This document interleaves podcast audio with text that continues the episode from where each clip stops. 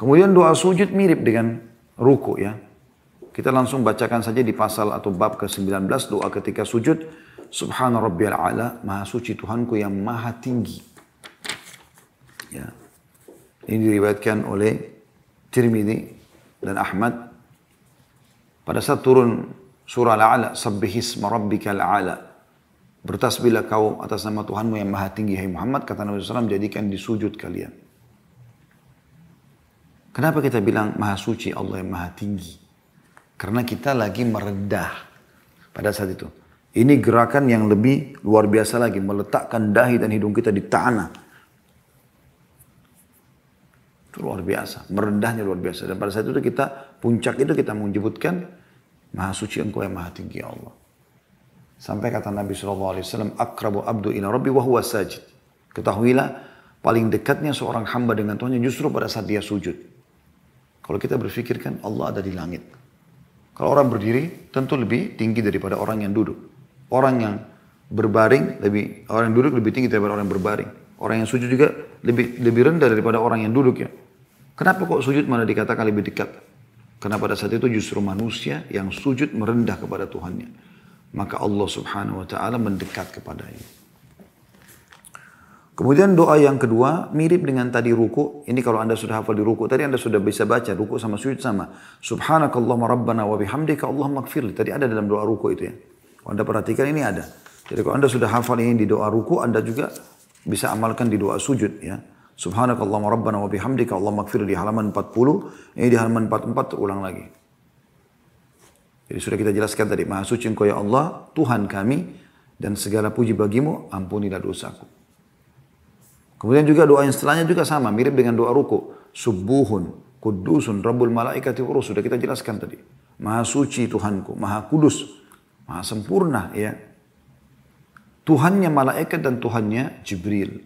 Sudah kita jelaskan juga tadi. Nah perbedaan adalah uh, di doa yang akan kita baca sekarang ini, ya, yaitu Allah malaka sajadtu. Ya Allah kepadamu lah aku sujud. Wabika amantu kepadamu aku beriman. Walaka aslamtu kepadamu aku menyerahkan diri. Lalu kita mengatakan sajada wajhi lilladhi khalaqah. Telah sujud wajahku kepada yang menciptakannya. Ya. Wasawwarahu dan membentuknya. Membuat alis seperti ini.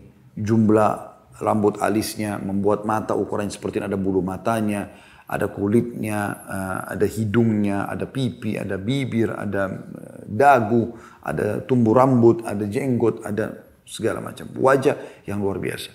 Selalu tolak ukurnya orang itu wajah. Kenapa teman-teman kita kalau foto wajah? Kenapa bukan belakang? Kenapa bukan dada? Kita kalau wajah langsung kita kenal orangnya. Yang lain kita bisa tidak kenal. Ini penting teman-teman sekalian. Ternyata wajah ini adalah bagian kesempurnaan manusia. Makanya kita mengatakan telah sujud wajahku kepada yang membentuknya dan yang melukisnya. Taruh alis begini, mata begini. Anda kalau pelajari beberapa ilmu sudah belajar itu sampai ukuran mata kita dengan mata yang satu itu seukuran dengan mata kita juga. Ya. Bagaimana ukuran simetris antara kuping sini ke kuping sini, ya ukurannya sama. Bagaimana ini, bagaimana itu, bagaimana fungsi gigi, bagaimana bibir dan segala macam lidah bisa membedakan. Ini semua luar biasa, luar biasa. Di sini terkumpul antara mata bisa melihat, telinga bisa mendengar, eh, hidung bisa menghirup, ya, dan uh, mengendus, ya, mencium bau wangi itu busuk, mulut yang bisa berbicara, bibir yang bisa merasakan, semua ini berkumpul di satu wajah ini. Wasyakka sam'ahu dan yang telah membuat lubang kupingnya. Detail sekali doa ini. Dan telah membuat lubang kupingnya. Syakka sam'ahu. Wabasarahu. Dan juga membuat sobekan pada mata ini. Jadi bola mata kita ini kalau tidak disobek sama Allah SWT tidak dibuat sobekan. Maka kita tidak bisa melihat. Coba kalau kita tutup kelopak mata kita, kita kan nampak apa-apa. Walaupun mata kita sebenarnya kalau kita buka bisa lihat. Maka membuka ini, sobekan ini itu kuasa Allah Subhanahu Wa Taala. Keajaiban penciptaan. Tabarakallahu ahsanul khalikin. Maka maha berkah Allah sebaik-baik pencipta. Maknanya agung ini teman-teman sekalian. Luar biasa. Hadis ini diriwayatkan Imam Muslim dari satu halaman 534. Nah ini beda sedikit doa dengan pada saat ruku. Ini pada saat sujud ya. Karena wajah yang sujud, maka wajah yang kita puji-pujikan kepada Allah SWT. Setelahnya doa mirip dengan doa ruku juga ini sama kalau Anda sudah hafal di ruku, Anda sudah tinggal amalkan di sujud yaitu subhanadzil jabarut, maha suci Allah yang memiliki keperkasaan, wal malakut dan juga kerajaan, wal kibriya, kebesaran atau kesombongan, wal azama dan keagungan. Sudah kita jelaskan dari rinciannya. Nah ada tambahan dua doa lagi di sujud, lebih banyak sedikit dari ruku ya. Jadi kalau sujud itu ada uh, hitungan doanya, subhana rabbi ala satu, subhanakallahumma biham, subhanakallahumma rabbana wa bihamdika, Allahumma gfirli dua, subuhun kudus wa malaikatu wa ruh tiga, Allahumma laka sajadtu wa bika amantu wa laka aslamtu sajada wajhi lilladhi khalaqahu wa sawwara wa syakka sama wa basar, tabarakallah rahsanul khaliqin. Ya, ini berarti empat. Kemudian subhanallah jabarut wal malakut wal kibriya wal azama lima. Yang keenam dan yang ketujuh ini yang baru tidak ada dalam ruku tapi ini ada dalam sujud. Yaitu kita membaca doa. Ini perhatikan teman-teman. Jeli sekali doa ini. Allahumma kfirli zambi kullah. Ya Allah maafkan seluruh dosa-dosaku. Maafkan seluruh dosa-dosaku. Lalu apa apa yang maksud dengan seluruhnya? Dikkahu wajillahu. Dikkahu di sini terjemahannya kecil. Wajillahu besar. Tapi kalau kita kembali kepada bahasa orang Arab, Dikkah itu artinya kalau orang jeli sekali. Boleh orang ini ya, dakik, dikkah. Jadi betul-betul teliti benar-benar. Artinya dosaku yang sampai aku kerjakan secara tersembunyi ataupun mungkin kecil aku tidak bisa lihat sama sekali. Itu maafkan semua ya Allah. Jillahu besarnya wa awwalahu wa akhir. Yang dulu aku pernah lakukan dan yang terakhir akan aku lakukan. Artinya sudah aku kerjakan dimaafkan, yang belum aku kerjakan juga dimaafkan ya Allah. Ini pada saat setiap sujud kita baca. Wa alaniyatahu wa sirrah. Dan yang aku kerjakan secara terang-terangan dan aku sembunyikan. Semuanya yang Allah maafkan. Saya kadang-kadang teman-teman kalau sujud kemudian luput baca doa ini sekali saja saya berpikir, ya Allah, Nyesal nggak ini hari kiamat ya. Biasa saya dengan itu mungkin ada dosa saya banyak dimaafkan. Maka dalam sujud coba usahakan tidak lewat kecuali baca doa ini. Kullahu dikkahu wa jillahu awwal wa akhir wa alaniyata wa sirra. Ya Allah bersihkan semua dosaku ya. Yang kecil, yang besar gitu. Ya. Kemudian dikau jalla awal wa akhir yang dulu saya kerjakan dan akan saya kerjakan wa sir wa alaniyat wa sirra yang terang-terangan juga yang sembunyi. Semua maafkan ya Allah. Dari mana kita tahu teman-teman begitu kita bangun bersih semua dosa kita. Itu kan luar biasa itu. Yang terakhir dalam doa sujud, dan ini tadi doa yang sebelumnya yang kita baca di riwayat Imam Muslim di satu halaman 350, Anda bisa lihat di footnote nomor 63 di halaman 46 ya. Doa terakhir dalam sujud adalah Allahumma inni a'udhu biridhaka min sakhatik. Ya Allah aku berlindung kepadamu dengan keridoanmu dari kemurkahanmu. Jadi artinya kita minta, Ya Allah selalu ridho kepadaku. Maafkan kesalahan kalau aku salah. Dan jangan kau murka padaku. Karena memang salah satu sifatnya Allah adalah disebutkan dalam sebuah hadis hadis kursi Allah berfirman, "Ghalaba uh, uh, ghalaba rahmati ghadabi." Rahmatku telah mengalahkan murkahku. Dan kita sentuh sisi itu, kita minta kepada Allah SWT, Ya Allah, sungguh aku berlindung kepada keriduanmu dari kemurkahanmu. Artinya, kalaupun sampai aku buat salah, engkau mau marah sama aku, Ya Allah, dahulukan keriduanmu, pemaafanmu. Wabi mu'afatika min uqubatik. Dan juga kepada maafmu dari siksaanmu. Jadi dahulukan maafkan aku daripada engkau siksa. Wa'udhu bika minka. Dan aku berlindung kepadamu darimu ya Allah. Maksudnya dari hukumanmu. La uhsi thana'an alaika anta kama athnita ala nafsik. Ya, dan aku tidak sanggup menghinggakan pujian terhadapmu. Engkau adalah uh, eng, uh, pujian kepadamu sebagaimana engkau memuji dirimu sendiri. Hadis riwayat Muslim jadi satu halaman 532. Nah, ini sebuah hal yang luar biasa bagaimana kita minta kepada Allah Azza wa Jal agar dijauhi atau dijauhkan dari semua kemurkaan Allah Subhanahu wa taala. Ini dibaca pada saat sujud. Oh, anda bisa baca ini luar biasa. Allah min a'udzu biridhaka min sakhatik. Ya Allah aku minta dengan keriduanmu aku selamat dari kemurkaanmu. Ya.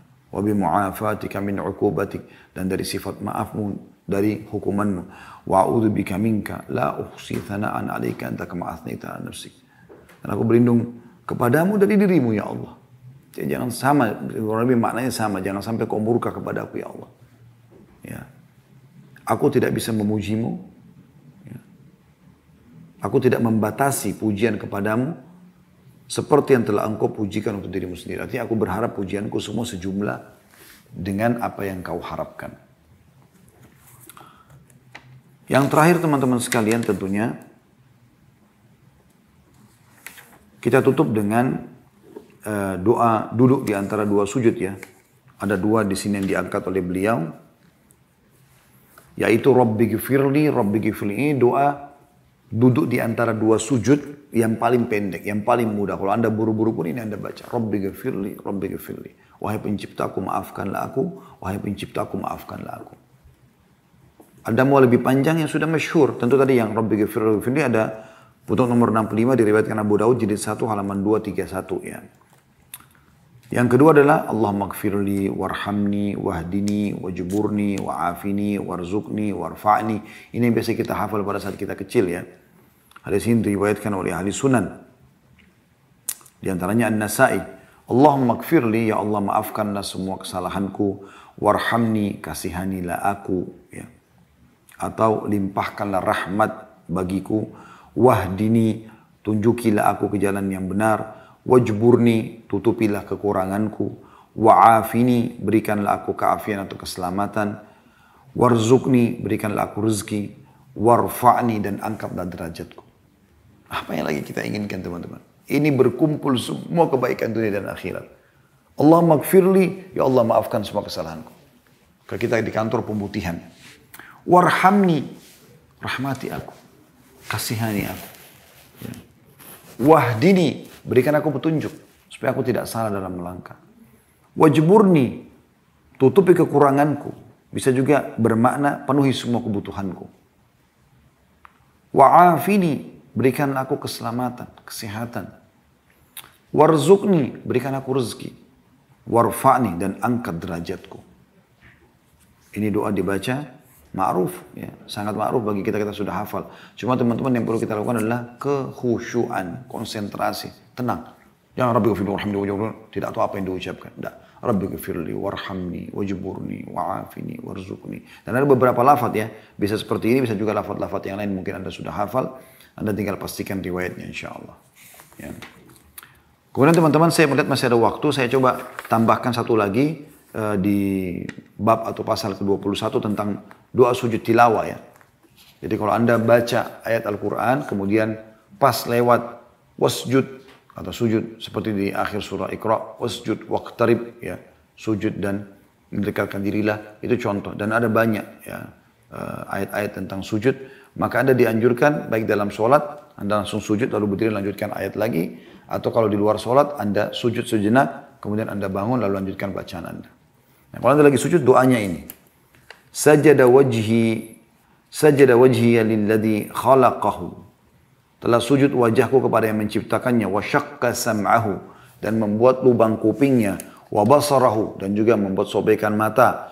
Bihaulihi wa quwwatihi dengan daya dan kekuatan darinya. Fatabarakallahu ahsanul khaliqin. Maka maha berkat Tuhan ya sebaik-baik pencipta. Mirip dengan doa sujud tetapi agak berbeda sedikit ya. Sajada wajhi lilladhi khalaqa. Telah sujud wajahku kepada yang telah menciptakannya. Wa syakka sam'a langsung masuk kepada yang melubangi kuping. Wa basarahu dan juga menyobek mata ini sehingga bisa ada lubangnya. Bihaulihi wa kuwatihi. Dengan daya dan kekuatan darinya. Fatabarakallah asal khalikin. Maha berkat Tuhan Allah. Ya, sebaik-baik pencipta. Ini diriwayatkan oleh Tirmidzi jadi 2 halaman 474, Ahmad jadi jilid 6 halaman 30. Yang terakhir teman-teman kita tutup dengan ini tentunya nanti insya Allah permohonan kita akan masuk ke tasyahud ya. Jadi kita sudah belajar doa ruku, doa i'tidal, ya, doa sujud, doa duduk di antara dua sujud dan sujud tilawah. Jadi ada lima bab yang kita bahas pada kesempatan ini ya. Yang terakhir adalah kalau kita lagi sujud tilawah, Allah maktub li biha indaka ajra. Ya Allah, catatkanlah pahala untukku di sisimu dengan sujud ini. Allahumma maktub li biha indaka ajra. Allahumma ya Allah, uktub li, tulislah untukku, biha dengan sujud ini, indaka ajra, di sisimu pahala. Saya ulangi, Allahumma uktub li, Allahumma uktub li biha indaka ajra. Wada'anni biha wizra. Dan maafkan atau gugurkan dosa-dosa dariku dengannya. Dengan sujud ini, maafkan dosa-dosaku. Waj'alha li indaka zuhra. Dan jadikanlah ini sebagai simpanan kebaikan di sisimu. Wa taqabbalha minni kama taqabbaltaha min abdika Daud. Dan terimalah ini dariku sebagaimana engkau telah menerima dari hambamu Daud, Nabi Daud alaihissalam. Hadis riwayat Tirmidzi jadi dua halaman 473. Kalau ada yang bertanya, kenapa Nabi Daud yang disebut? Nabi Daud ini termasuk terkenal orang yang paling bagus ibadahnya. Apa pun ibadah yang dikerjakan, Masya Allah. Makanya kata Nabi SAW, sebaik-baik ya, puasa, sebaik-baik adalah sholat adalah sholatnya Daud. Dia tidur di awal malam, lalu dia bangun sholat. Kemudian sebaik-baik puasa adalah puasa Daud. Sehari puasa, sehari tidak. Karena luar biasa memang ibadah. Dan beliau pernah dalam Al-Quran diceritakan, ya, Allah SWT menguji beliau ya dengan uh, ada bangkai dilempar di depan singa sananya. Maka dia pun langsung takut kepada Allah. Jangan sampai ini adalah hukuman. Maka dia langsung ruku kepada Allah SWT. Ruku sujud ini adalah sebuah hal yang luar biasa. Maka Allah subhanahu wa ta'ala menjelaskan kalau adalah sebuah cobaan atau fitnah saja. Dan Allah menerima sujudnya atau rukunya. Alaihi salatu wassalam. Jadi Nabi Daud memang disebutkan sini karena memang kedudukan dia yang sangat tinggi. Allah